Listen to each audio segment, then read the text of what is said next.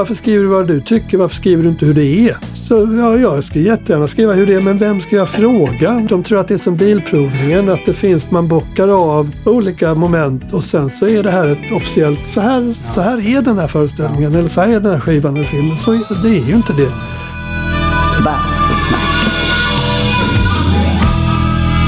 Hej och eh, välkommen till eh, avsnitt 63 av Bastusnack. Podden där jag, David Granditsky, sätter mig med mina vänner och bekanta i bastun en stund och ser vart snacket leder. Bastusnack sponsras som vanligt av Tylö Helo Bastu.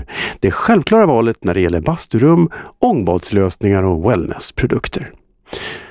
På tylö.se kan du hitta allt du behöver för att bygga den ultimata bastun. Eller, om du hellre vill det, det lilla basturummet som ryms i din klädkammare. Variationerna är oändliga. Hos Tylö Helo hittar du ett rikt utbud av bastuprodukter. Surfa in på tylö.se och shoppa loss! Själv har jag ju faktiskt ett Tylösens Sport bastuaggregat som jag är grymt nöjd med. Det blir varmt på ett kick, så det är otroligt lätt att spontanbasta när andan faller på. Jag kan verkligen rekommendera det. Surfa in på tylö.se och läs mer. Dagens gäst är Aftonbladets nöjesjournalist och recensent Jens Pettersson.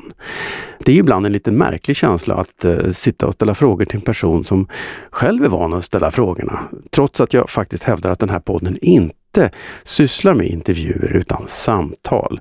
Ja, samtal som kan landa var som helst men som allt som oftast givetvis handlar om gästen och dennes profession. Om ni tycker att Jens låter lite skrovlig så är det inte min finländska bastuwhisky som spökar. Nej, han hade helt enkelt precis kommit tillbaks från en skitjobbig förkylning. Jag hoppas att ni finner dagens avsnitt intressant. Ni kommer bland annat få höra herr Pettersson framföra en egen låt som ni ju kan få ge betyg åt på Bastusnacks Facebook-sida efteråt. Hur många plus får han egentligen? Och så vill jag påminna om att ni ska prenumerera på Bastusnack i er poddspelare så missar ni inga avsnitt. Och om ni har missat något äldre avsnitt som inte finns kvar i poddspelaren så finns ju alla avsnitt samlade på bastusnack.se. Och när vi nu har en recensent i bastun så vill jag också passa på att nämna att ni kan gå in på iTunes och skriva en recension av den här podden också. För då hjälper det mig att sticka ut i bruset av alla poddar som finns där ute. Bastusnack har ju som sagt också en Facebook-sida där jag då och då lägger upp lite bonusmaterial. Nej, nu ska jag sluta tjata. Vi går raskt över till bastun där Jens just har tagit plats. Bastusnack. Välkommen till bastun. Tack så mycket.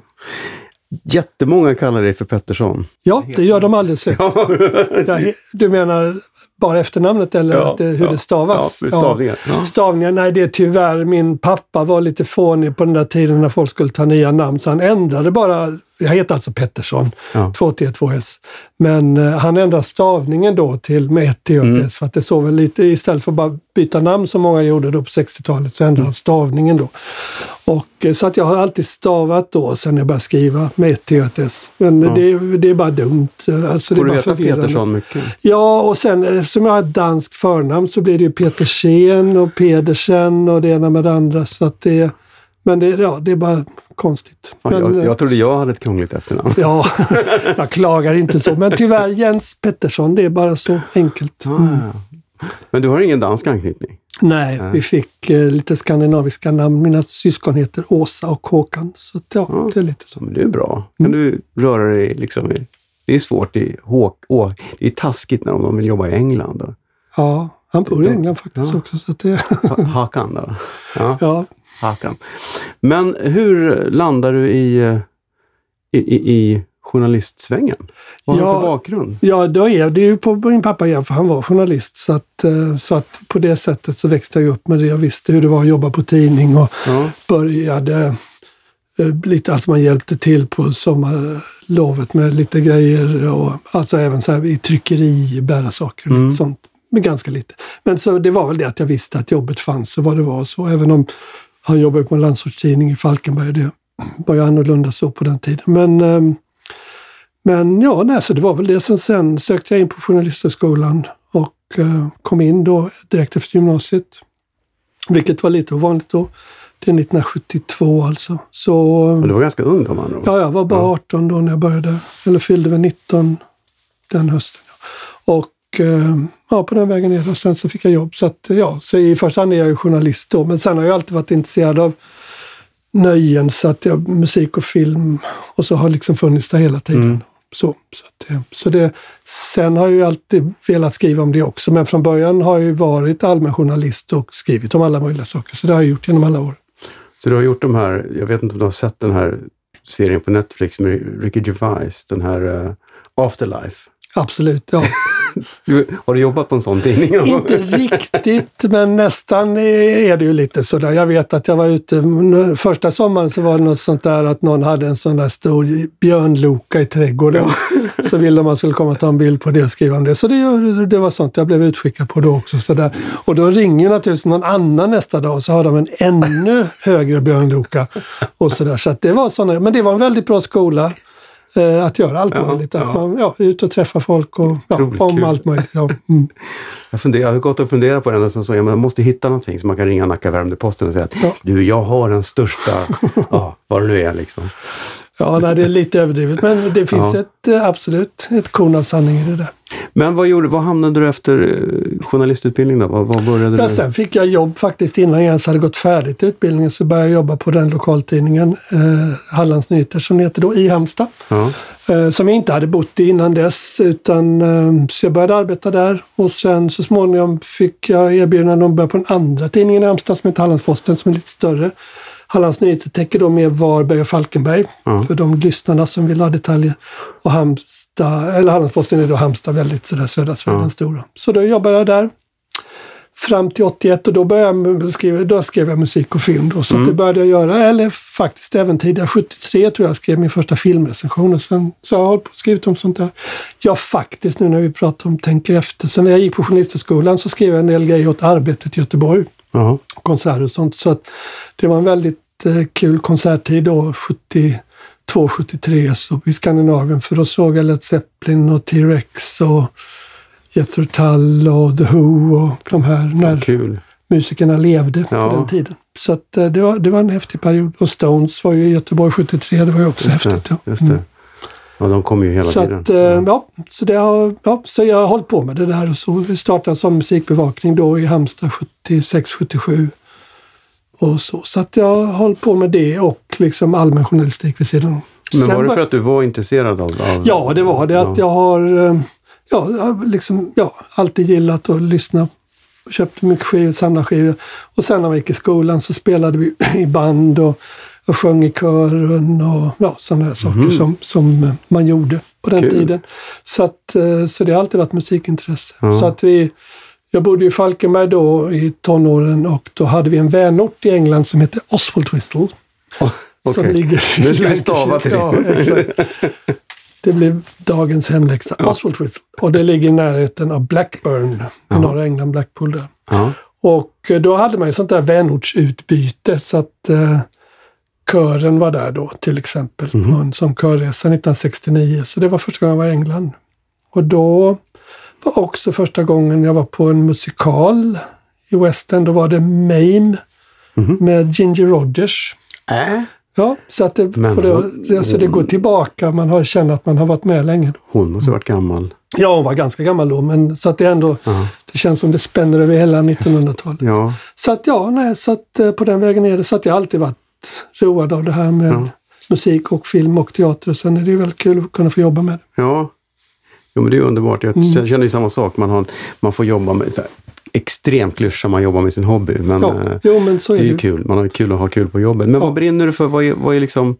Man tänker på de konserter du såg. Du är, mer, är du liksom klassisk rockkille då? Eller är det, Ja, det är väl allt. Alltså, det jag har gillat mest att lyssna på så där, det har ju varit sånt eh, Dylan, Springsteen, The Band, ja. den sorten.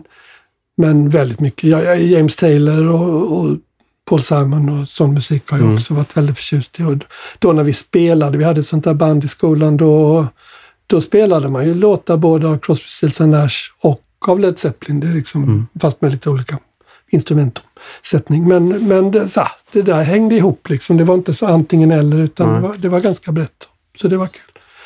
Men ja, nej, så att det... Och sen film har ju alltid varit en konstant grej också. Mm. Bastusnack. Du hamnade ju plötsligt på slager också. Eller det Absolut, kanske inte ja. var så plötsligt. Ja, jag sökte jobb där och så fick jag det. Så att då började jag jobba där 1981. Bara, Så det var ganska, det hade funnits i ett år då. Ja. Så, så um, började jag arbeta där med um, olika saker.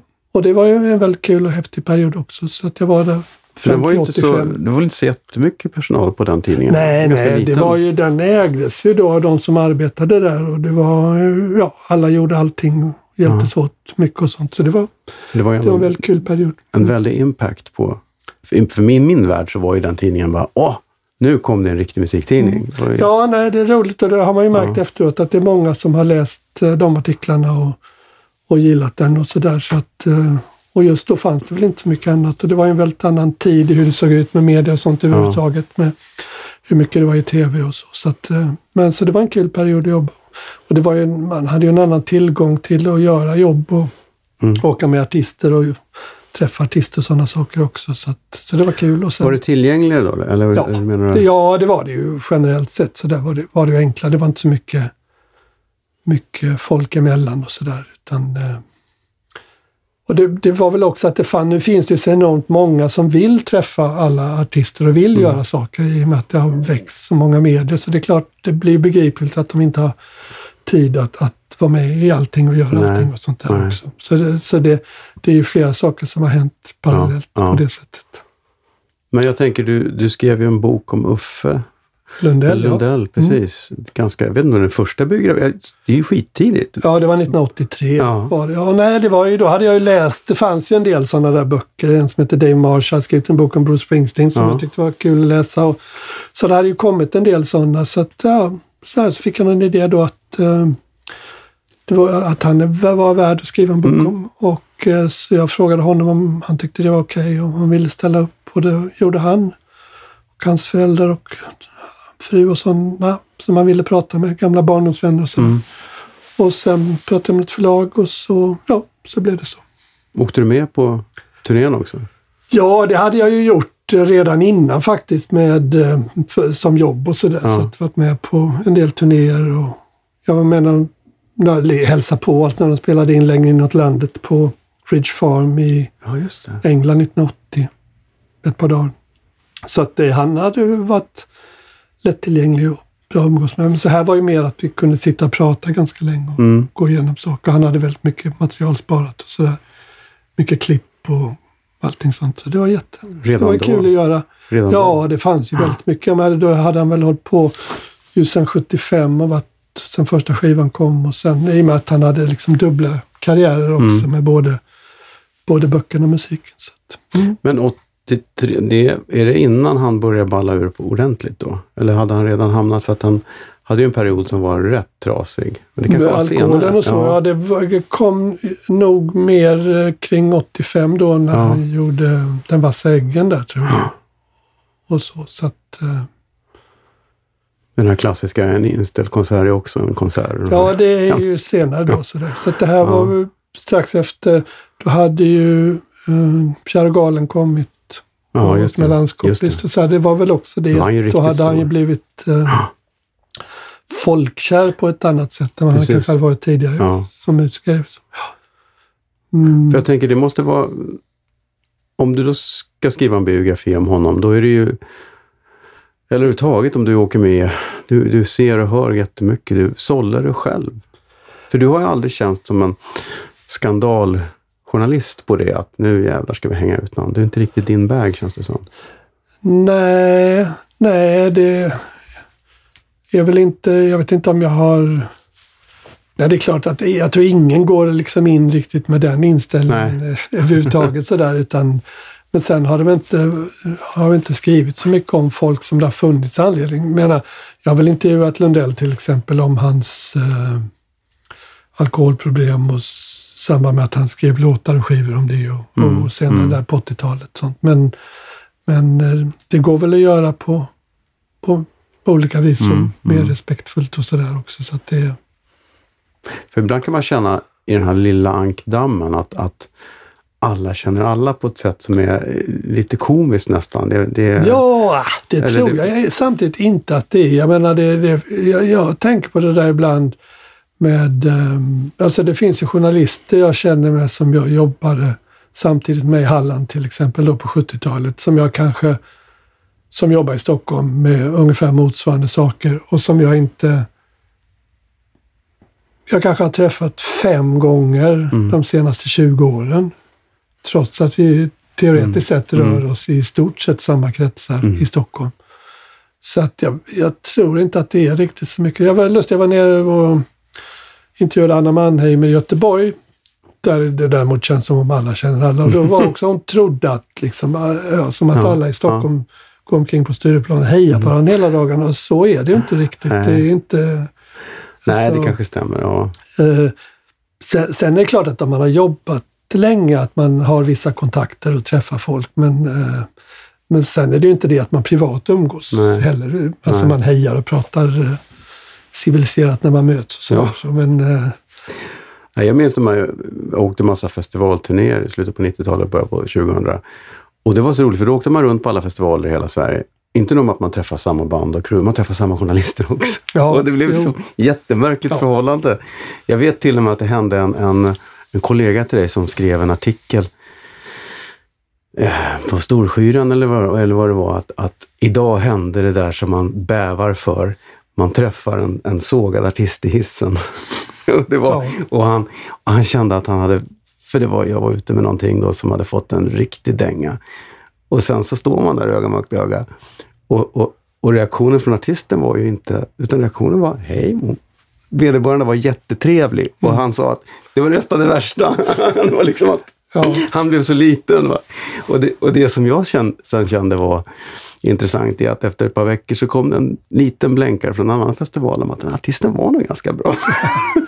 liksom... Ja, ja, jo, alla är väl människor. Ja, eh, så att det är klart att de blir påverkade. Vad vi försöker göra ehm, så långt det går, både med, med film och musik och sådär, är att att det är en som gör intervjuer och en annan som gör recensioner mm. om det är just med en, en specifik ja. grej. Att man försöker skilja på det där.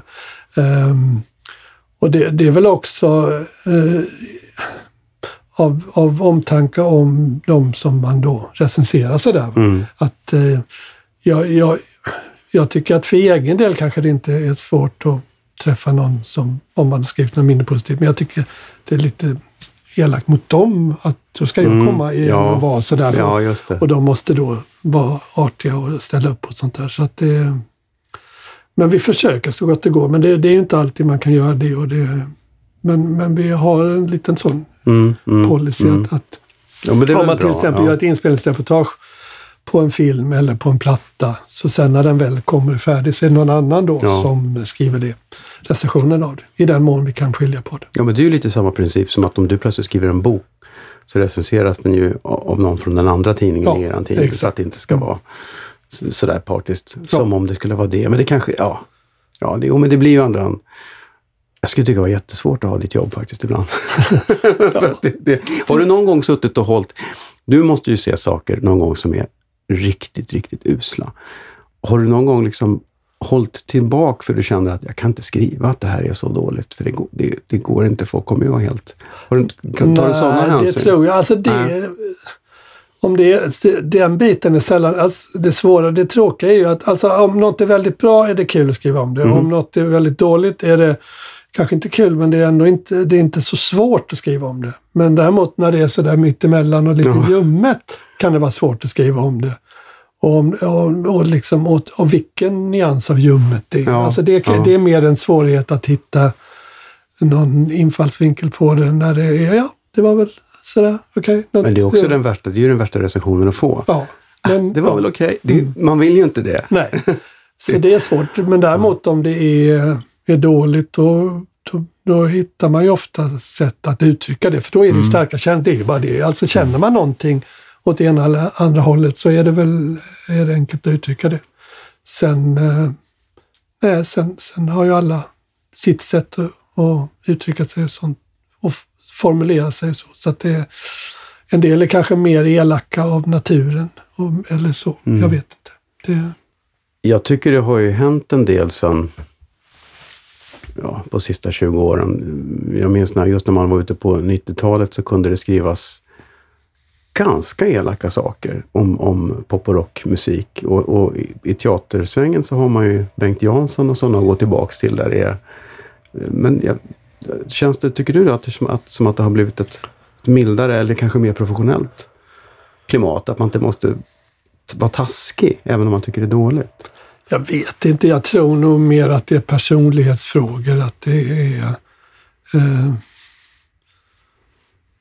jag menar, för igen, alltså eh, gissningsvis så som tidens tendenser är så har ju språket blivit allmänt liksom grövre och mm. högljuddare och mm. hårdare. Då mm. kunde man ju gissa att det skulle vara tvärtom. Men vad det gäller Center så tror jag mer att det handlar om hur enskilda människor är och sådär. Att en del, det har alltid funnits de som liksom gillar att ta till större mm. ord och gapa lite mm. högre. Och det kommer säkert fler sådana och det finns kanske en del men eh,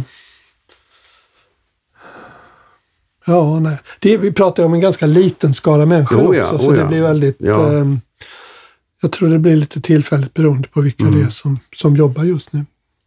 Och vilket är ju tråkigt att det är en liten skara människor och det känns ju inte som att den kommer att växa i framtiden. Nej. Tyvärr. Känner du att, att, att recensionerna spelar roll för hur en föreställning går eller hur en eh, skiva säljer eller en film går?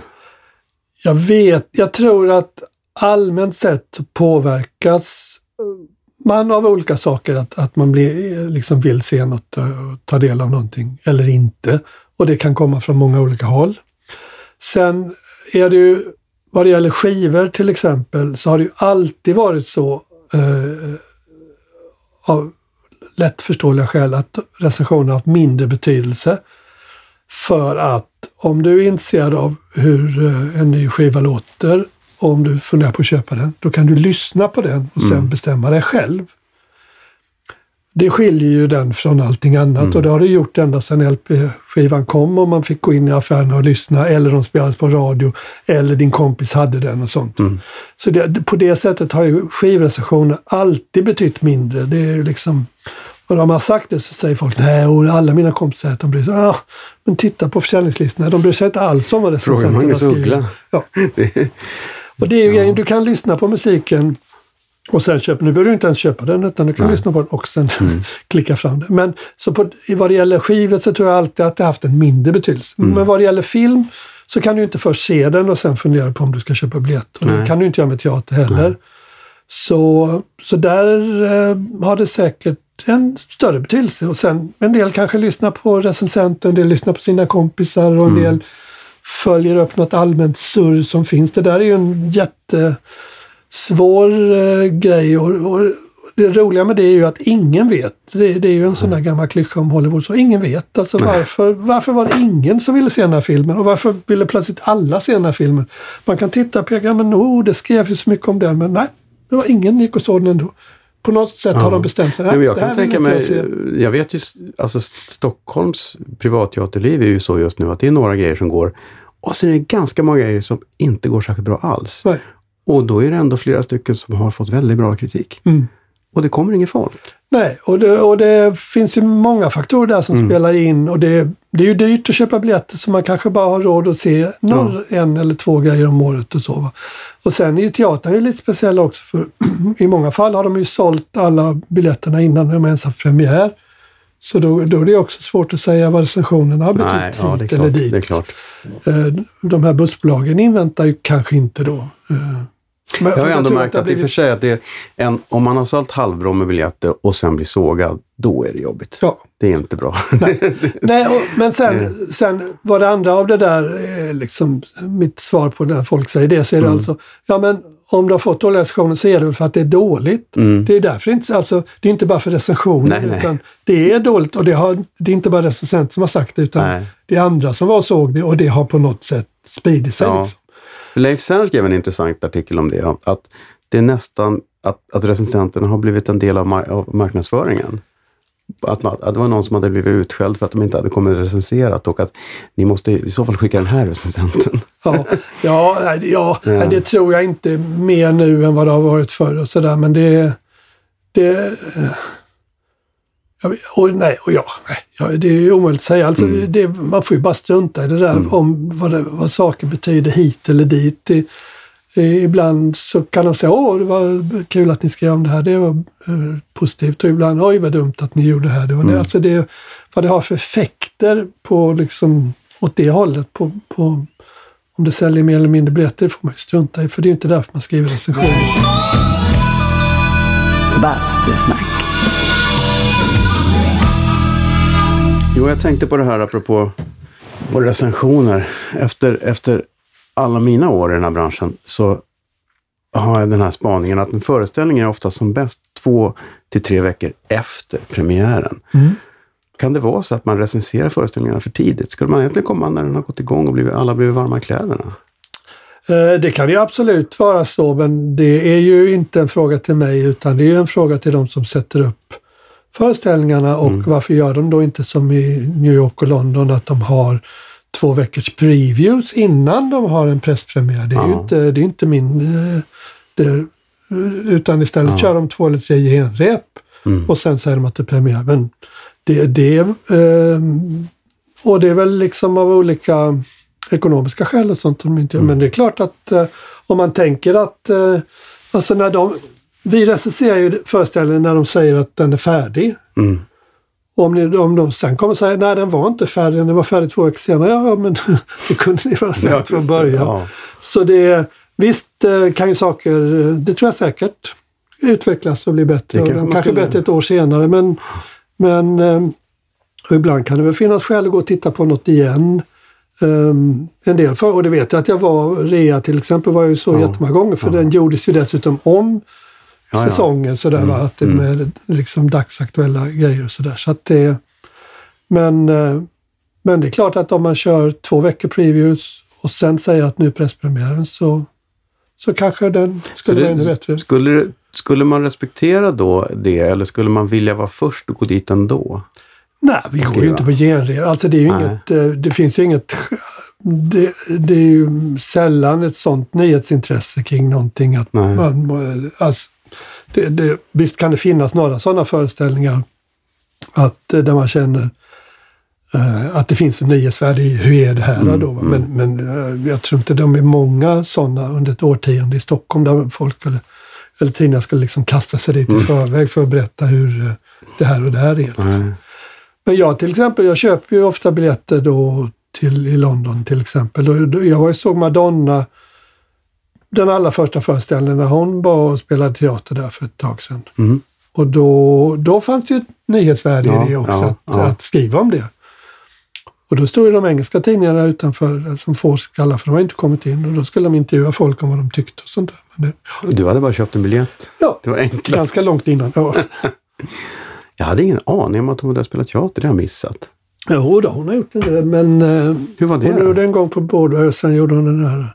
Eh, Det var väl, eh, det var, inte, det var rätt okej. Hon har lite tunn röst sådär. Mm. Inte riktigt eh, diktion för en scen kanske. Men eh, det var nej, men det helt okej. Hon, är ju- hon var ju bra i den här första filmen hon gjorde. Desperately Just det.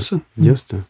Ja, det är typ den enda film jag kommer ihåg förutom konsertfilmerna. Mm. Har hon gjort fler? Gjorde Ja, hon? hon gjorde en som floppade med Sean Penn när de var tillsammans som hette Shanghai. Just det. Hette den Shanghai Surprise? Shanghai någonting. Ja. Den var en väldigt flopp. Och sen gjorde hon en förfärlig film med Guy Ritchie. Som en sån här romantisk eh, drama, komedi, någonting på en eh, medelhavsö. Swept away tror jag den heter. Just. Fruktansvärt dålig. Fruktansvärt dålig. Ja. Och sen är hon faktiskt med i eh, vad heter Dick Tracy Mm. med eh, Warren Beatty. Så ja, ja hon har filmat. Ja, Var hon inte med i en Bondfilm också? Det tror jag hon var faktiskt, som hastigast. det kanske hon var. Jag slutade titta på. Bondfilmer Ja, nej, men när, eh, jo, men Ja. hon, när hon var gift med Guy Ritchie så bodde Ja. hon ju i England. Just det. Så att då gjorde hon väl lite mer saker där också. Mm, Det var väl mm. därför hon spelade teater också i London. Bastusnack. Ja, men när vi pratade om Ulf Lundell och vi gled, pratade lite löst om det där med hans, hans eh, livsstil så småningom. Hur, vad är den, har, du- har du hamnat i en sån där intervjusituation någon gång där du känner att det här intervjuoffret är inte riktigt talbar. Hur ska jag göra nu? Nej, det har jag inte gjort. Det har jag inte. Alltså de flesta man, eller ja, stort sett alla man träffar är ju eh, där för att göra det. Mm. Och är medvetna om det och är väldigt professionella och sådär. Så att det är... Um, det är samma ibland folk frågar om eh, skådespelare och filmstjärnor och sånt där, vilka som har varit otrevliga och sånt. Och det är, är väldigt, väldigt ovanligt att, Mm. att någon är otrevlig. Alltså nej, utan det är däremot, jag brukar säga det att jag har träffat på många fler jobbiga journalister. Som vi, när vi har filmintervjuer sitter man ju ofta i en liten grupp då, en fem, Ja. sex stycken. Och det är ju ett lotteri vilka man hamnar med och det kan ju ibland vara en del som man känner skulle vara någon annanstans. Så, så väldigt sällan att, eller ja, i stort sett aldrig. Mm. Tommy Lee Jones är en sån där som är ökänt eh, Mm. jobbig och Mm. försöker liksom sätta en på pottkanten. Sånt. Men det är bara att fortsätta och le och så. Jag fick någon sån ensamintervju med honom en gång i Cannes. Ja. Och då höll han ju på och var med så här korthuggna svar i början och försökte få en att tappa fattningen. Men Ja. jag bara fortsatte och fortsatte. Och till slut så började jag prata som en vanlig människa. Ja. Men det måste vara fruktansvärt tjatigt att åka omkring och, och prata om senaste plattan. Det är det, Det säkert, vara. men det finns ju värre yrken här. Jo, det är klart. också. Det är jämfört med att stå i en gruva så är det Ja. väl inte så svårt Nej, att, nej, att prata om nej. sig själv eller om sin skiva eller något sånt. Så det. Men du måste ju, har du någon gång, eh, alltså man, jag träffar ju också väldigt mycket folk i jobbet som man har gillat och lyssnat på och så, men, men vi, man är ju i samma skrå allihop, man är i samma bransch. Men händer det någon gång att du träffar någon som bara, där man blir lite starstruck, där du inte riktigt, oj, det här var tungt. Inte, inte så, så att jag liksom tappar fattning eller tycker, men däremot är det ju sådana människor som man gillar och har gillat och följt länge så kan man ju tycka att det är tycker man ju att det är väldigt häftigt. Alltså, jag var ju med och intervjuade Bob Dylan då 1997 och det, det tycker jag ju fortfarande är väldigt, väldigt speciellt. Mm. Eh, För att han är väldigt speciell för mig och för många andra och man har följt honom länge. Och han har, eh, gör väldigt, väldigt lite, få intervjuer och så. Så sitta bredvid honom i en soffa i en och en halv timme och, och det var kul att prata med honom och det var, då var han en, ja, var rolig och intressant och allting sånt. Och han, när det var färdigt så, så vände han sig om och skakade hand med mig och sa “You're the guy that really has the stuff”.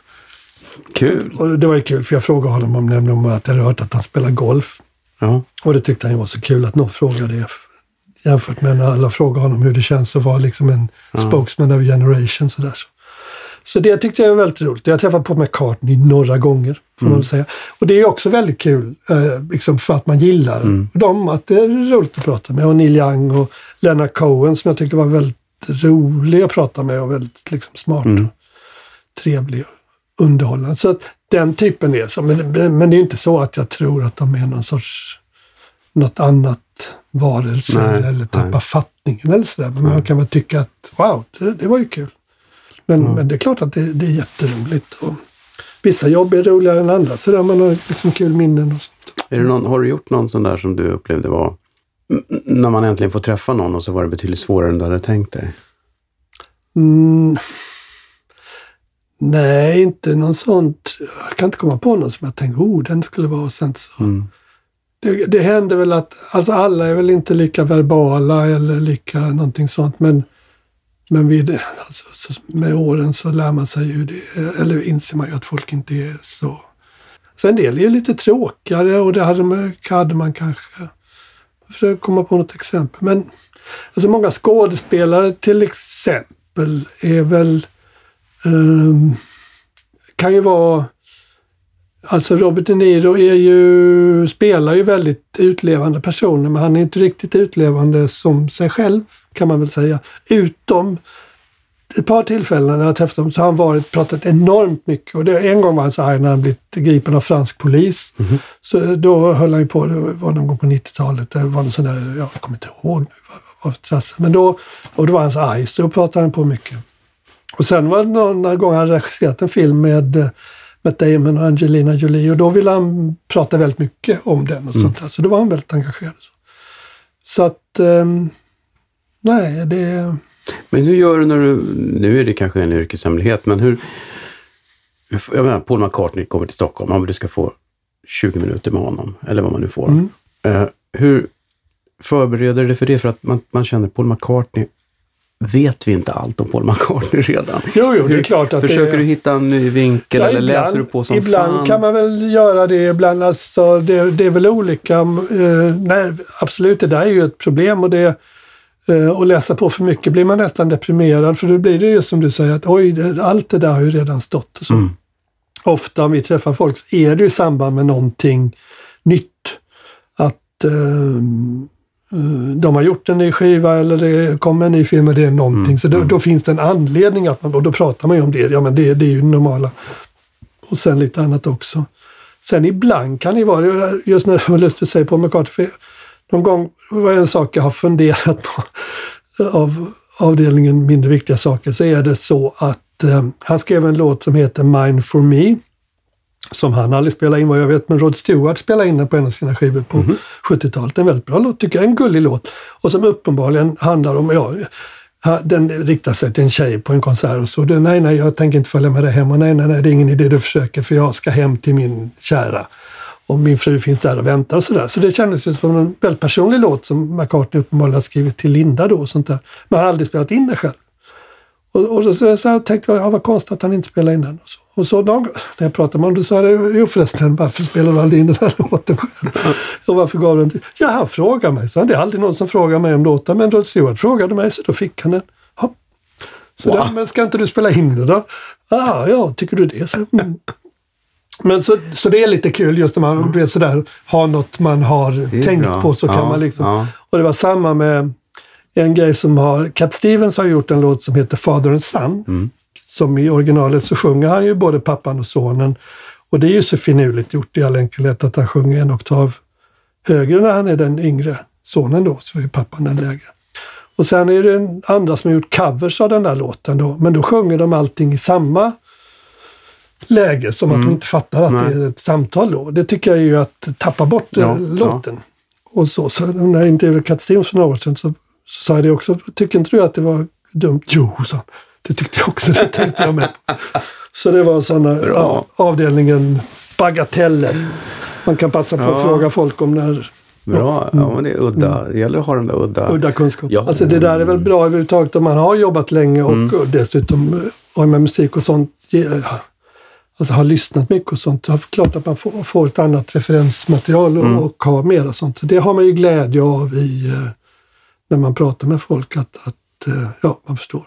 Jo, men det märks ju också när, man, när, när skribenten har lite koll på ämnet. Eh, det finns ingenting som är så irriterande som en okunnig journalist. Det, det är liksom... Man kan se det ibland på tv-intervjuer med sådana som är vana. Du tjatar om på McCartney men jag minns jag såg det en gång när han blev intervjuad i tv. Så fick han en fråga först och sen och så var, var så nämnde han någon artist och sånt där. Så tittade han på journalisten mm. som eh, intervjuade som inte förstod vad han pratade om. Och då såg man, okej, okay, så då lägger vi oss på ja, den nivån. Ja, alltså, ja.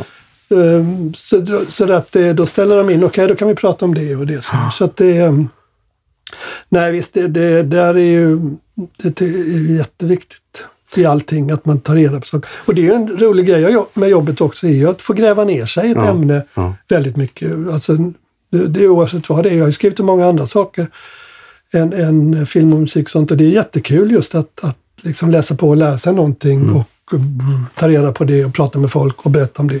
Och sen kan man släppa det och sen är det något annat. Mm. Men det är ju inte alltid så för att jag känner att eh, jag har varit i situationer där man känner lite grann att ja, ja, eh, nöjesreportern det är ju den som man inte hade någon, man, man skickar vem som helst. För att då och då har jag läst recensioner där man tänker att om det här hade varit en, en konstrecension så hade det varit skandal. För att det var så illa påläst, det var så okunnigt skrivet. Men det, just i nöjesjournalistiken så kan det där slinka igenom tycker jag. Hur, hur rekryteras nöjesjournalister? Är det den som vill eller, eller känner man Ja, att... alltså alla journalister söker jobb och så. Ja. så vad man så, så att, det, så att det, det är säkert, det finns nog massvis av olika för jag vet inte riktigt, konstvetenskap kan man ju läsa och teatervetenskap, men om man ska ut och liksom recensera musikfestivaler är det svårt att läsa på. Ja. ja. Jag är inte så, alltså jag tror väldigt mycket på att göra, alltså hantverks där, att lära sig det mm. genom att jobba. Och eh, så att det här att läsa till sig någonting på Jag gick visserligen på Journalisthögskolan eh, men, men, och där lärde man sig en del grunder om samhällskunskap och sånt som var väldigt nyttigt. Mm. Och framförallt på den tiden då så var det väldigt skillnad mellan eh, landsortstidningar och rikstidningar så det var bra att få liksom ett rikstidningsperspektiv på allting och sånt. Men mest lär man sig just genom att jobba och genom olika misstag och mm, allting mm. sånt. Och det, så det tror jag är inom alla, alla typer av journalistik och sånt där. Och missar och dumma grejer, det, det kan man ju hitta inom alla genrer. Jag ja, vet inte om det är mm. värre inom nöjesjournalistiken eller annat, men, men det, Alltså det, det är nog väldigt olika hur, varför man... Jag har liksom alltid sökt mig till det. Jag är noll intresserad av en eh, kriminaljournalistik och några mm. sådana saker. Jag har aldrig varit det och inte Nej. sökt mig. En del tycker att det är det finaste att hålla på med det, men jag tycker inte det. Så det är liksom, jag har inget problem med att vara nöjesjournalist. Um, utan andra tycker det. Och jag har jobbat som korrespondent i, hoppat in då både i London och i USA och skrivit om allt möjligt och varit på skrivit boxning i Las Vegas med Mike Tyson och ja. var med Ingvar Carlsson när han var statsminister i Chicago, i svenskbygderna och politik, allt möjligt. Så jag har skrivit om alla grejer så jag kan göra det. Men, ja. men nu de senaste 25 åren har jag hållit på mest med nöje bara. Mm. Och tycker det är kul. Och, eh, och jag tycker det är, det är viktigt att det sköts bra och att det, eh, det är liksom en... I tidningar som Aftonbladet så är det liksom alla delar behövs och, mm. och, så. Man behöver liksom någonting som man blir på gott humör av också i, i all mixen av, av saker som ja. kommer. Jag, jag minns en, en recension, en After Dark-recension som inte du skrev, eh, som en, en, annan person skrev, som inleddes med “Jag har aldrig tyckt om dragshow och det är inte kul nu heller”. och då kände jag lite, men varför gick du dit då? Ja. Har, går du, om det är någonting i en genre som du verkligen inte gillar och, och du blir ombedd att recensera det, säger du då att nej, det är ingen idé att jag går dit? Eller känner du att du kan bedöma någonting som du inte gillar konstnärligt? Ja, jag vet inte. På ett sätt kan jag tycka att om man inleder så, så har man åtminstone varit ärlig med det. Ja. Eh, sen beror det på vad, vad, man fortsätter som. Men eh, när det är klart att, jag vet inte. Det där är ju liksom svårt att man kan ju inte vara expert på allting och det, det är ju det jobbiga till exempel med de som ska bevaka musik nu att det är så enormt många ja. olika genrer. Det är så enormt mycket man måste lyssna på och ha koll på sådär. Så att... Eh, men jag vet inte om... Jag tror, alltså, ofta är det ju ändå någon... Man går ju efter en helhetsupplevelse. Hur är den här kvällen och mm. hur var det? Vad försökte de göra och hur lyckades de med det?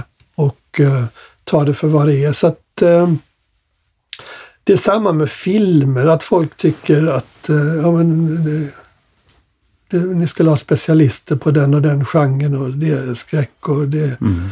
Ena med andra action och sånt. Men ofta vad det gäller film då till exempel så de filmer som är riktigt bra, de är ju flera genrer på en gång. De är mm. inte bara en sak. Alltså, eh, Gudfadern är, är liksom spänning och det är kärlek och det är drama och det är lite action. Och, mm. Men den är rolig också. Mm. Alltså det, man skulle inte kalla den komedi, men, men det, och de flesta filmer som är riktigt bra är ju många olika mm. saker. Mm. Och det gäller väl en, en musikalkväll och en showkväll och sådär också.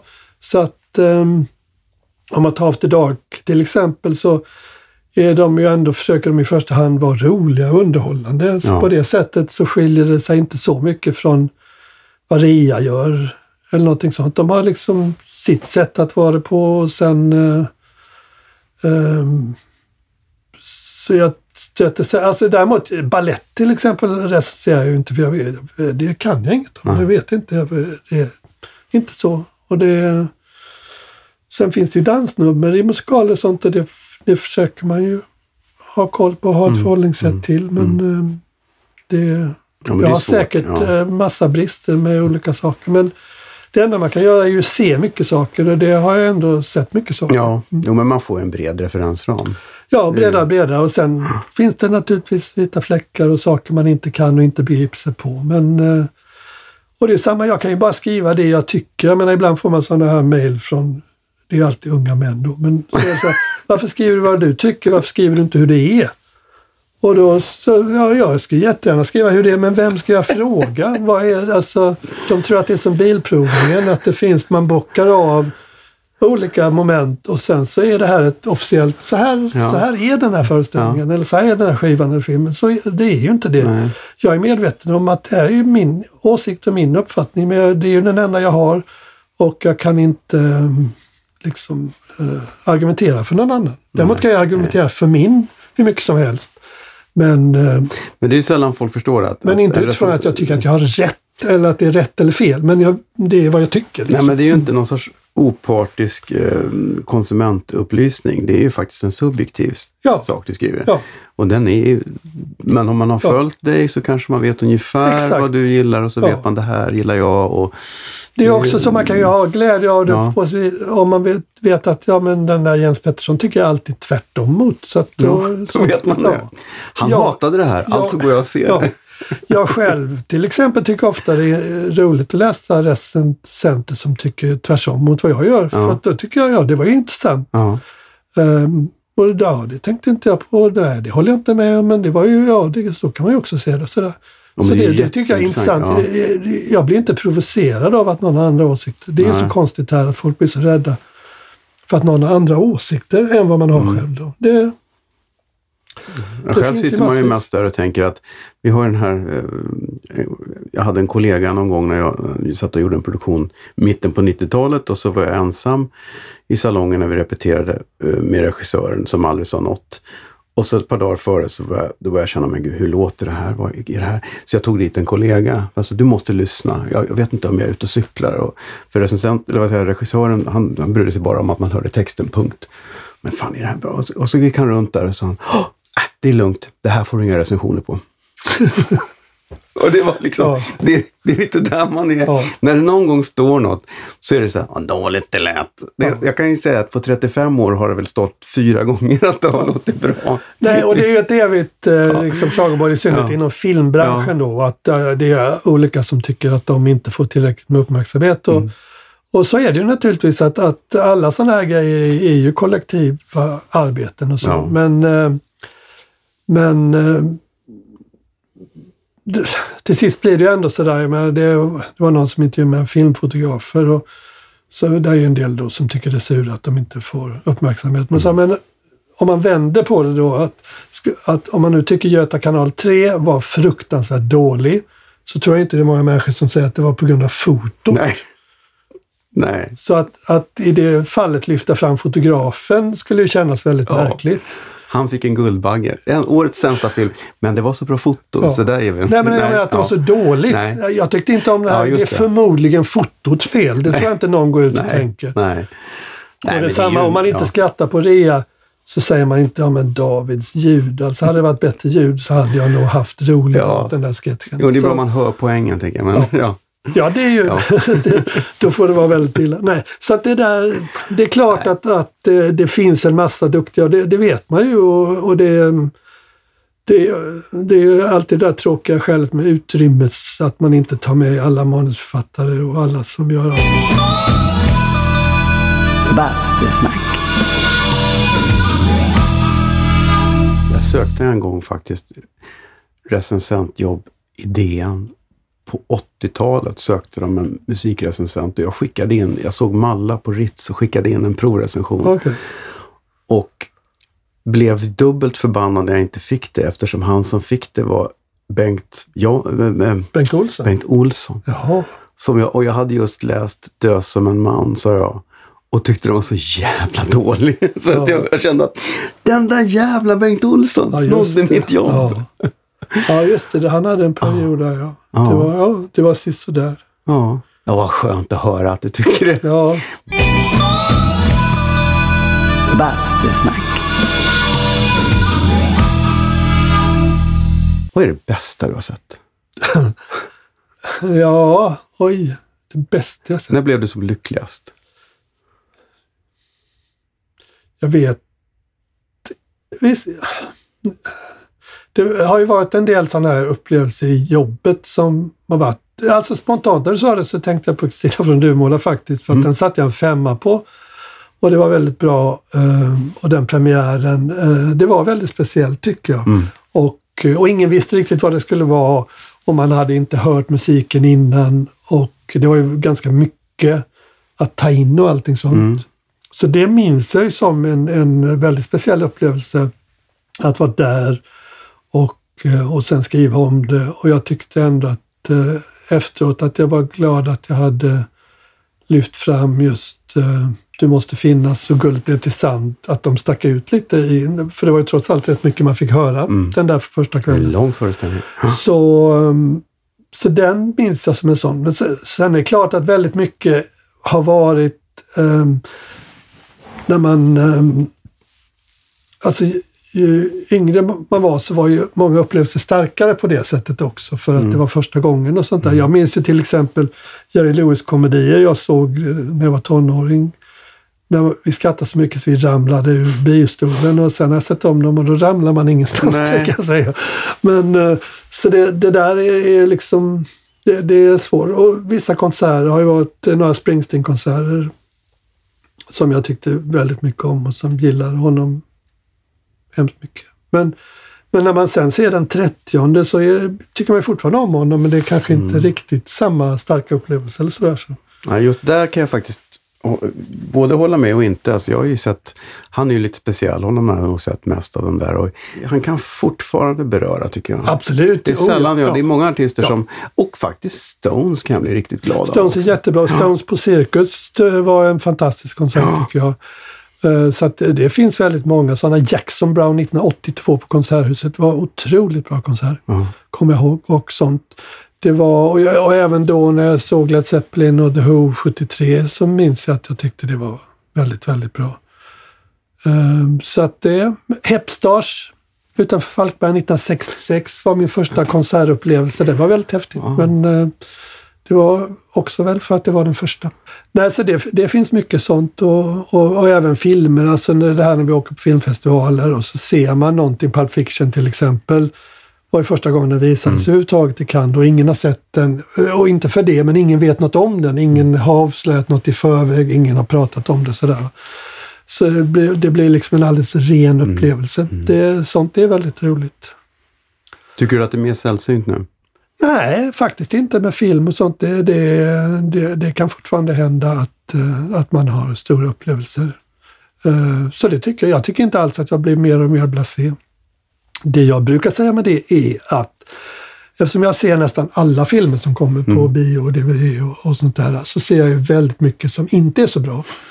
Eh, Så jag har lättare att bli entusiastisk för sånt som är sådär 3 plus 4 plus då. Va? För jag har sett allt det andra. Medan ni andra som är lite mer eh, nogräknade konsumenter ser ju bara de här 4 plus 5 plus filmerna då. Va? Så att ni har liksom en högre kravnivå då. Men du sätter fortfarande 5 plus då och då? ja, det gör jag. För det, det, jag tror det var Anders Björkman som sa att som, som inte, har gjort sätt, det. inte sätter femmor. Han har längre. aldrig gjort det. Har han aldrig gjort det? Han har, det var det han sa. Han har aldrig gjort det. Ja. Nej. Vilket trå, vad tråkigt han måste ha att han aldrig har fått den Ja, kicken. ja. Ja, jag satte väl det på Så som i himlen senast, så det är inte så länge sedan ändå. Så det hände väl. Det, ja, nej, det är väl jätteroligt om någonting. Och som sagt, det eh, om allting var antingen 5 plus eller 1 plus skulle det vara, vara mycket lättare att skriva och tycka Men- och sådär. Där kan jag känna ibland att i, när, man, när man, man sitter dagen efter premiären, eller till och med på premiärfesten och det kommer recensioner man ser på nätet numera. Och så står, det, så står det någonting i recensionen som är, den är, så, och, den är riktigt översvallande bra. Och så står det 3 plus.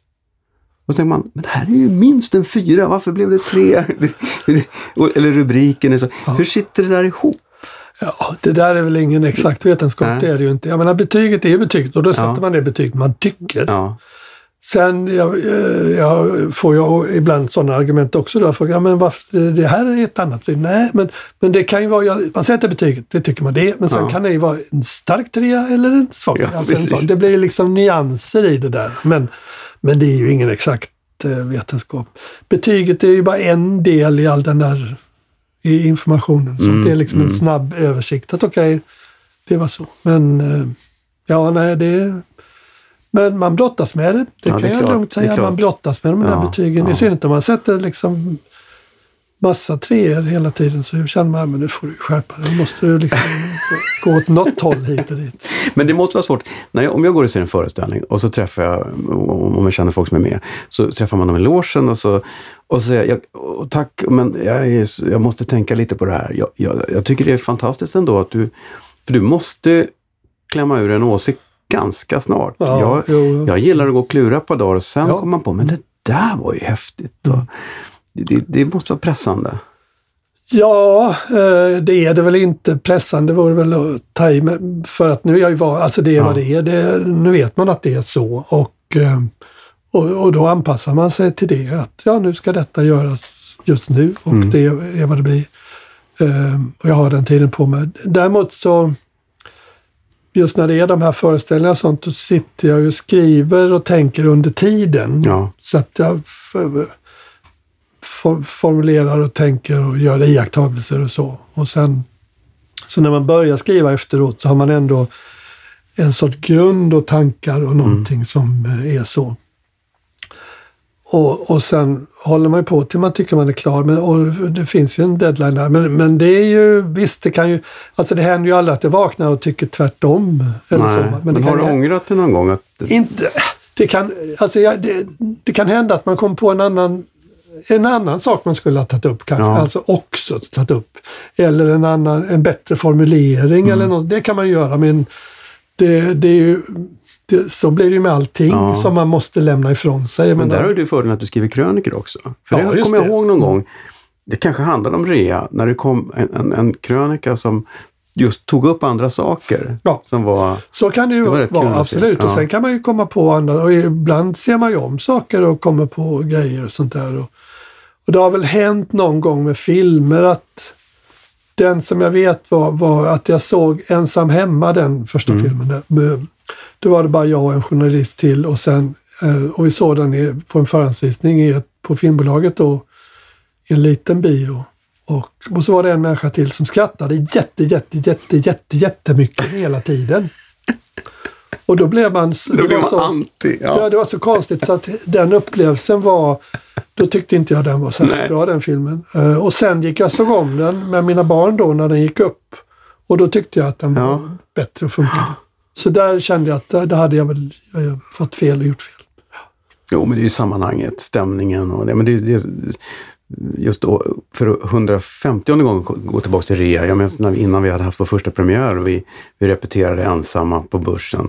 Och man kör det för 78 gången och ingen skrattar, för det är ju bara vi där. Då är ju självförtroendet nere på noll och sen Mm. kom första publik. Ja, just så här kan det vara. Det Mm. var väldigt, just att, att ja, men det krävs en publik, det krävs rätt publik, rätt stämning. Ja. Eh, publiken är ju en del av upplevelsen. Det är det absolut. Och det är, men, och det är ju en annan sak ibland man får när, när vi då är, eh, har varit negativa, eller jag har varit negativ efter en premiär, så hör folk av sig. Det är inte så ofta, men det händer ju ibland.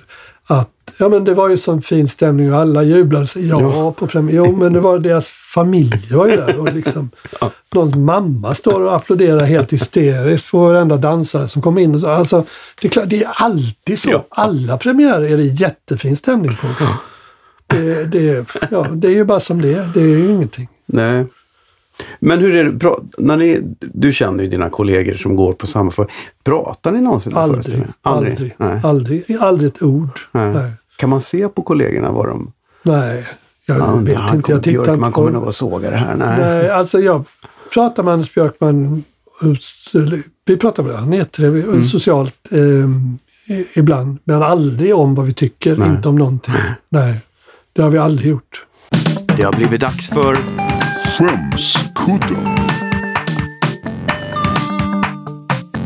Herregud vad pinsamt. Skämskudden. Nej, inte den där gamla demon. Något måste du... Skämmas för? Ja. tycker jag också att vi, vi måste ju leverera någonting som, som Bastusnacks eh, lyssnare nu ska få recensera på Bastusnacks Facebook-sida. vad har du för skämskudde?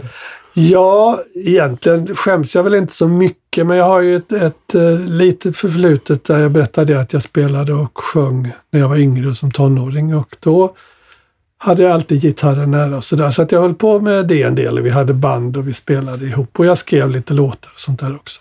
Mhm. Och sen när jag fyllde 40 då så tog jag och gjorde färdigt några sånger tillsammans med min granne Per Lindblom som spelar. eh, Gitarrist, och är duktig mus- musiker. Ja, just det. Gamla Fria Pro. Ja, Ja, Per Lindblom. Vi jaha. bodde grannar då. Ja. Och så han har gjort, gjorde hela eh, den inspelningen. Så, så han är jätteduktig. Mm. Så att då, då gjorde jag färdigt några sådana där sånger som jag hållit på med lite. Och så fick de som var gäster på min 40-årsfest detta, denna lilla musikaliska upplevelse som så skiva. Så att det kan du... Då kan jag få skämmas lite för min sångröst eftersom jag nu dristar mig till att ha åsikter om andra människor så kan ju de få... Och den är inte särskilt bra så det är jag den första att erkänna. Ja, men, Men det kan jag bjuda på. ja, men, kan Bob Dylan? Jag valde ju heller inte... Ja, men prata nu inte om att Bob Dylan är en dålig Nej, nej, sångare. okej. Det är, han är en jättebra sångare. Jo, men rösten är ju... Alltså, hans julskiva är ju en parodi. Ja, men alltså. det är en rolig Ja, jag tycker den är jätterolig. Men jag tänker så här, hur tänkte han egentligen? Har han gjort den på skoj? Men man ska bli glad av julskivan. Ja, jag blir väldigt glad av den. Nu ska vi se. Nu kommer det grejer här. Ska vi se. Nu ska vi se. Då ska vi ta den som heter ehm, Före 40.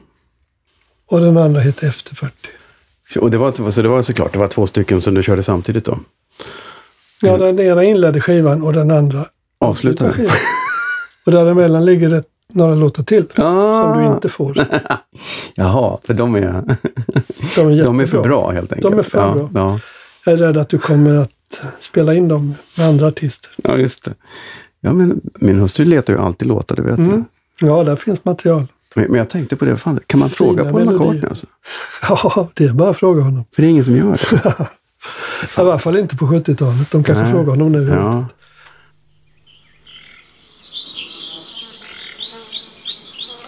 Mm, varm sommardag.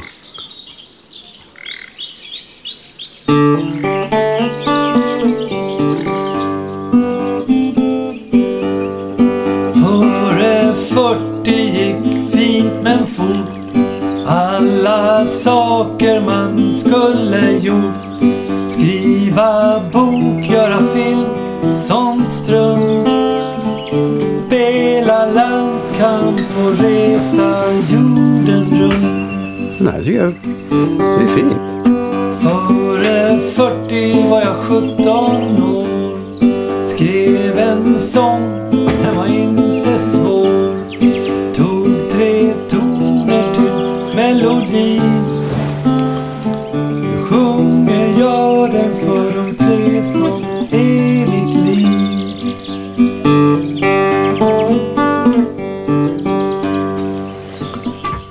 var jättefin. Det var väl inget skämmigt i den, tycker jag. Det lite roliga med den då är att det är bara tre toner. Alltså. Ja. Det är bara C, D, E, hela melodin. Ehm, allting. Så att det var det. Men du låter ju som, jag kan inte komma på vem, men det låter som någon sån här singer-songwriter. Så det, jag tycker det låter klart som att om du bara sjöng lite mer så skulle det... Ja, jag ska börja Jag med tror det att, när jag ja, blir äldre. jag tror du har en pensionsförsäkring. Ja. Och sen du, du kan, vi kan lyssna lite på Efter, Efter 40. 40, Det är den ja. instrumentala versionen. Den är mycket roligare att höra. Aha.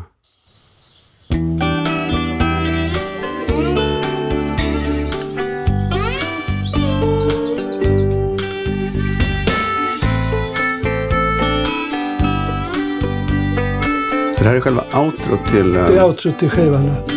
Det är ju samma melodi. Det är Per Lindblom som är väldigt duktig på Mm. många instrument. Han är väldigt duktig slide-gitarrist. Ja, Mycket inspirerad av Ray Cooder.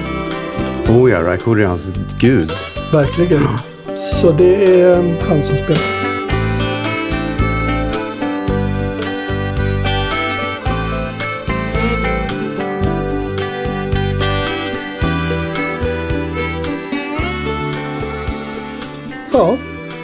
Är man behöver jättefint. inte plåga folk. Nej, jag men, tycker inte det är att en- plåga folk. Jag en- tycker att det är- Ja, det är en snäll liten sång. Ja, alltså det här tror jag inte du riskerar någon sågning Ge för. ut resten av skivan också. Jag tror på det. Ja, det kan vara... Ja, du kan göra, bränna en skiva och så auktionera ut den på Musikhjälpen. Just det. Ja, det vore något. det. Nej, det var jättefint. Spelar du någonting fortfarande? Nej, det kan jag väl inte säga. Jag, jag lite saknar det. Ibland har det varit att jag tar... Jag spelade ju gitarr eh, och jämt spelade gitarr när jag var yngre. Sådär, så att det, men nu är det, går det väldigt långt emellan tyvärr. Men jag, jag tycker om det och det är en grej jag sagt att jag ska göra mer sen. Mm. Och, och det hände ibland någon semester vi var, då, då hyrde jag faktiskt en gitarr vi hade rest bort och så satt jag och spelade varenda dag i tre veckor. Det var jättetrevligt. Det är rätt Så jag tycker det är roligt, men eh, ja. Men inga live? Nej. Nej, det är inte då. Nej, då spelade vi ju lite det här bandet vi hade som hette Company kallades det. Vi var fyra stycken. De, de andra var ju eh, jättemycket duktigare musiker än vad jag var. Och, de, och det var ju i Falkenberg så att eh, inte ens på Falkenbergs gymnasium var jag en av de mer framträdande. så nej, det... Men det, det, var, det är intressant att ha med sig. Att ha liksom hållit på Mm, lite med och spelat och sjungit och ha... Och då vet du att det inte är så jävla, det är inte så jävla lätt att stå där. Nej, man har respekt för hur svårt det Ja. är och, ehm, och sånt där. Och några gånger, jag tror faktiskt att det var nog bara en gång som jag var och sjöng ensam på en sån här trubadurkväll när jag pluggade i Göteborg. Det var någon som lyckades övertaga Ja. mig att göra. Det var inget roligt. Men Men inga, Men- inga julfester på tidningen och sådär? jo, det har jag i och för sig hjälpt till och sjungit Ja. och skrivit texter Ja. och sådana här. eh, Det har vi gjort en del. Um, Lasse Andrell gillar att sjunga väldigt Ja. mycket så att vi sjöng en hel del eh, som jag skrev texter till kända låtar och så hade man. Det har varit en del sånt. Så, men det, mm, det är mindre och mindre. Men, men det, det är bra. Det är en bra grej att ha med sig det här. Mm. Och man har också redan då de här musikerna som fanns där i Falkenberg som var väldigt duktiga och man märkte också hur eh, olika infallsvinklar man hade på eh, artister och låtar och sånt Mm. där. De här som var väldigt, väldigt duktiga tekniskt att spela. Som lyssnade på ett annat sätt än vad en del av oss som var väldigt intresserade av texter och Mm, sånt där till exempel. Och sånt. Så att det finns en, eh, ja, man, man ja, kan känna igen de där sakerna mycket. Man träffar du har aldrig känt att kanske skulle satsa på musik? Nej, och då hade jag väl gjort det. Alltså Mm. min, min bästa vän som jag spelade med på den tiden, Bengt Göte, han, han har fortsatt att hålla på och, och, och försörjt sig på det delvis och är väldigt duktig. Han sjunger jättebra och spelar massa instrument och han och hans fru uppträder och har gjort det i alla år och sådär. Mm. Så att ehm, Nej, jag har väl, hade jag velat göra det så hade man väl satsat mer på Ja. det. Alltså det, det ehm, jag tyckte det, tyckte det var roligt med att skriva och sånt där. Så det är inte, jag är ingen liksom misslyckad musiker som hämnas genom att bli recensent eller Det är sådär. en klassisk fordon. Finns det några sådana tror du? Jag tror inte att det finns det. Jag brukar säga det tvärtom. Det är sådana här som misslyckas med att bli journalister som blir musiker istället för Mark Knopfler och, Knopfler och Chrissy Hind var journalister innan de blev. Så det, ja. Nej, jag tror inte att någon överhuvudtaget eh, är det ena eller andra. Utan det, eller man ser folk, Thomas Andersson Vi, som ju var, jobbade som journalist, och en jättebegåvad eh, gitarrist och låtskrivare och sångare och allting. Sådär. Ja, men man kan ju få göra allt. Absolut, är man kan få göra allting och, eh, det är inget som hindrar en utan eh, vill man göra det så, eh, så är det väl bara att göra det. Mm. Så. Däremot, en, lite, jag tänkt på det där ibland att, att jag har ju skrivit låtar då som, och jag är inte så allmänt jätteduktig musiker men ehm, men däremot lite nyfiken då på att testa att skriva låtar. Jag tror att ibland de här som är väldigt duktiga och väldigt skolade, att det kan finnas något begränsande i det där. eh, Alltså att om man säger, det finns en frihet i att man inte kan någonting så bra så vågar man sig på att göra andra saker. Mm. Om man till exempel inte kan spela piano, men är John Lennon, så skriver man Imagine på piano. Som om man var en gitarrist. Det. Medan en som kan spela piano som Robert Wells, han skriver inte Imagine. För han eh, har inte liksom, man gör inte det i de banorna sådär va. Så det finns någonting i det där också. Det här är inte en teori som är särskilt populär bland duktiga musiker Nej, nej, nej. nej. kan jag berätta. Men, men det är, mm, jag tror att det finns någonting i det där att, eh, och det är all, ingenting är så enkelt att det är det ena Nej, eller det men det- andra. Men det finns någonting, och den andra sidan av det som jag också tycker är en intressant iakttagelse, är att det finns en del väldigt, väldigt duktiga musiker som skriver eh, låtar och sen så och som är okej och bra så. Men sen så ska de skriva för barn. Och då skriver de fantastiska låtar. För då skriver de för barn. Så då tänker de på ett annat sätt. Det har Georg Riedel, eh, Jojje Wadenius, Janne Schaffer. då är det någonting, då hittar de ett annat uttryck. Och, det- och det är lite det här samma sak att ja, men den, man hittar någon enkelhet där som Man är rädd för att eh, köra den enkla för de vuxna, för de tycker att, det måste vara mer eh, avancerat. Ja, att det kanske, eller då blir det Mm. liksom, det finns något i det här duktiga som kanske kan vara hämmande. Inte vet Mm, jag. Men det finns ju så många varianter av allting så att det är, det är liksom... Jag, ja. tycker, jag, jag tänker på, osökt, kommer att tänka på Laurie Anderson som berättade om, jag var, såg du henne live någon gång? Eller, Mm. Hon lever ju för övrigt, men hon har inte varit här på ett tag. Nej. Eh, hon berättade om sin konstiga robotdans och hur den uppstod. Vet du det? Nej. Jo, hon hade ju, jag såg henne på Konserthuset, en massa hon, hade, hon är helt galen och hon hade massa filmeffekter och blinksaker som skulle hända. Och då hade hon hela tiden tecken till crewet där det skulle hända grejer. Och det utvecklades till en dans, fick Ja, det bli till slut. Och då kom hennes yxiga dans ur den. Det roligt, ja. Apropå det här, inte kunna, ja, det var inte en uttänkt koreografi, men den blev en helt Ja. egen. Nej, nej, visst är det intressant. Och när jag apropå att spela, Neil Young är också ett sånt där exempel på en som spelar piano Mm. som en gitarrist. Liksom den här typen av ackord. Men som gör häftiga låtar på piano, jättefina. För att då blir det i andra banor på något Ja. sätt. Där. Bastusnack. City of Angels såg jag både i Stockholm och i London. De hade premiär ungefär samtidigt med på 90-talet. Eller först i Stockholm faktiskt. Och jag tyckte det var markant skillnad. Det är nog inte så längre för att eh, mm, det har utvecklats i Sverige. Men då tyckte jag just att skådespeleriet var otroligt mycket bättre på Stadsteatern. Medan sången kanske brast. Medan West End var, då var skådespeleriet mycket mer tvådimensionellt.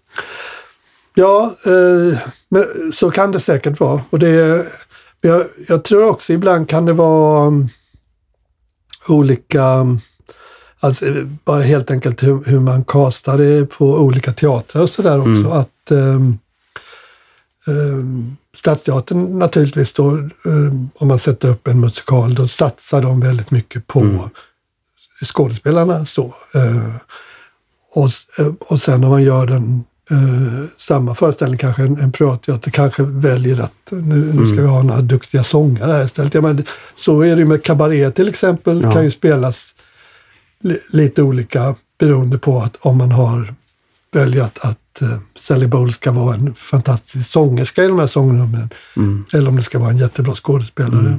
Det finns ju de som är både och, naturligtvis. Men eh, Ja, nu är det my- mycket mer så ändå, för då kommer jag ihåg att det var ju innan Stadsteatern började göra jätte, jättemycket musikaler och då jobbade man ju med den fasta ensemblen.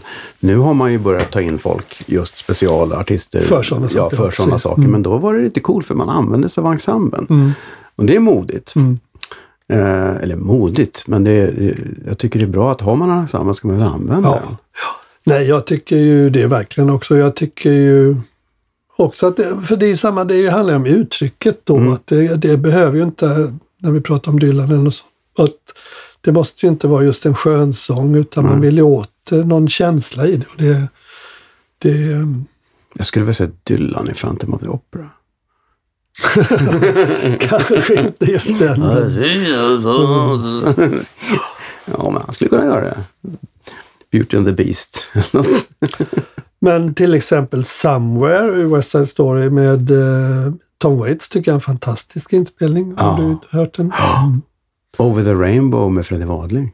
just det. Slår mig också, de här.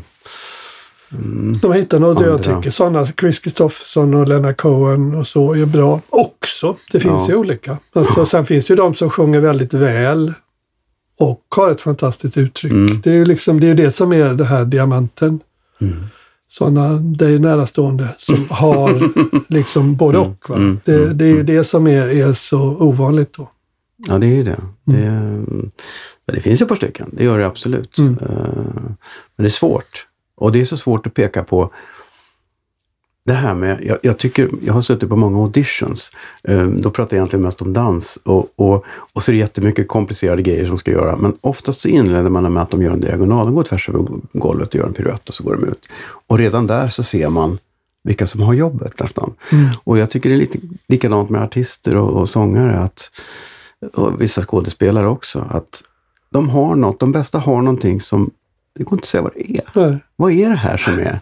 Nej, det är väldigt fascinerande vad det är som tränger igenom och, Ja. och vad som funkar. Och det, är, och det vi vet ofta, det är roligt att prata med skådespelare om det där också, eh, om, om teknik och olika saker. Det finns ju de som är så dåliga på att vara, stå still på scen, alltså, med statistroll, att de drar uppmärksamheten Mm. till sig. Och det är också fascinerande, hur kan man misslyckas även med det? Vilket Ja. jag är säker på att jag skulle göra till exempel.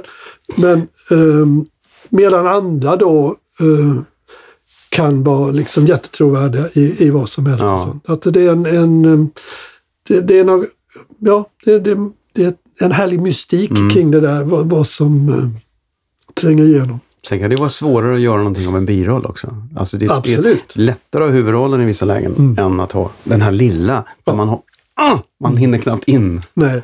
Och man kan kanske inte märkas för mycket, man ska Nej. märkas lagom mycket. Ja. Nej visst, det, det, det är ett fascinerande yrke det där. Mm. Men du har aldrig spelat teater då? Nej, det har jag Nej. inte. Och du har har jag inga planer? Det har jag inte, nej det har jag inte. Jag tror jag skulle vara värdelös på det. Det värsta jag visste i skolan var att stå och hålla tal och Ja. föredrag och sådana saker. Då sjöng jag hellre faktiskt. Jag, jag, även nu skulle jag hellre ställa mig och sjunga med gitarr för ett sällskap än jag skulle hålla tal och säga någonting. Men det är bra, då bokar jag in dig till fruns 50-årsfest nästa år. Då. Jag kan sjunga, jag kan skriva en text. Ja. Sjunga och skriva text Ja, kan jag göra. ja, jag ser fram emot det. Jag Mm. ser fram emot det. Jag lovar att inte spela in det. Men du eh, Jens, jag var väldigt glad att du ville komma hit. Ja, tack för att jag fick komma ja. hit. En fantastisk utsikt härifrån bastun. Ja, nu måste du ju faktiskt hoppa i vattnet Och lagom också. varmt också. Ja. Ja. ja, det börjar väl, isen har nästan smält här. så det ja. är väl dags Vågar att ta du bada? Ja. Ja då, Ja. nu är ju förkylningen över så att det ja, det är, bara, det, det jag är älskar bra. att simma faktiskt. Är det Ja. rent vatten här? Det är det. Men jag skulle ju inte... Alltså inte ens jag simmar nog i den här temperaturen. Nej, jag väntar par veckor faktiskt. Ja. Men annars simmar man eller? Annars På simmar? Absolut, absolut. Så att du får, de gästerna som kommer här på sommaren har ju fördelen med att det blir lite längre simturer. Just det. Ja. Tack för besöket. Tack för att jag Ja. fick komma. Bastusnack. Ja, jag hoppas att förkylningen inte kom tillbaks Jens. Det var ju fortfarande ganska kallt i vattnet när vi hoppade i för någon dryg vecka sedan. Bastusnack sponsras av Tylö Helo Bastu. På tylö.se så hittar du precis allt du behöver för den ultimata bastuupplevelsen. Infrabastu, ångbastu, elbastu och vedeldat. Allt finns, valet är ditt. Tylö.se är adressen. Tack för idag. Vi hörs igen om en vecka eller två med en ny spännande gäst. Till dess, basta försiktigt.